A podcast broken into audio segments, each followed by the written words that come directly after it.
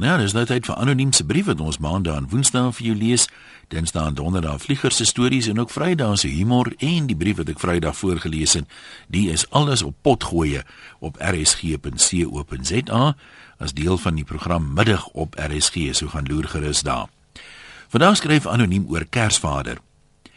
Kerstyd is altyd 'n hoogtepunt in die anoniem huishouding. Dan kan ons ook 'n slag iemand wees.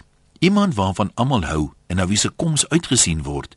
Die kinders moet gretige opgewondenheid en die ouer mense moet reikhalsende afwagting.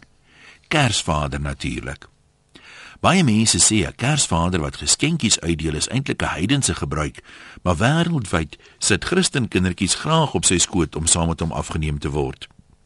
Die ouma's moet maar sy storie ken, veral as daar 'n hele klomp kinders is wat geskenke uit sy sak moet kry. Kinders is maar ongeduldig en hy kan nie almal sy geskenkie eers gee nie.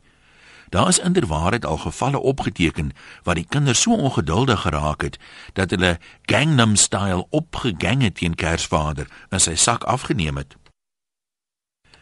Onthou jy nog die kwela video van die gesin wat Kersgeskenke uitdeel? Hier's een vir Boetie, o, en hierdie een is vir mamma. En elke slag gaan leun sussie so afwagtend en gretig vorentoe maar dan is die volgende geskenkie weer vir iemand anders in haar val na gesiggie sommer so. En toe Boetie nou al sy tweede geskenk kry en sy het nog niks, kon sy haar teleurstelling in Kersvader nie langer wegsteek nie. En sy spreek dit hardop uit en sê: "Nee, wat? Lyk my die ou donder het wragtig niks vir my gebring nie."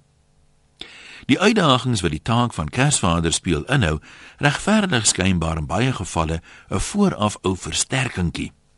Of dit of Kersvader sukkel gereeld met 'n borskwaal. 'n Ma vra hom gewoonlik agterna vir die kinders, nou hoe dit gevoel om op Kersvader se skoot te sit. En heel gereeld sê dit dan iets soos: "Mamma, die oom ruik snaaks." En uh, dan troos ma met iets soos: "Haai, dalk het hy hoesmedisyne gedrink." Hoopelik sal wie ook al hierdie Kersfees anoniem in die gewaad van Kersvader moet verskyn, nie oor die twinbank medikasie nodig hê nie. En as Kersvader dalk nie by jou uitkom nie, moet dit nie persoonlik vat nie.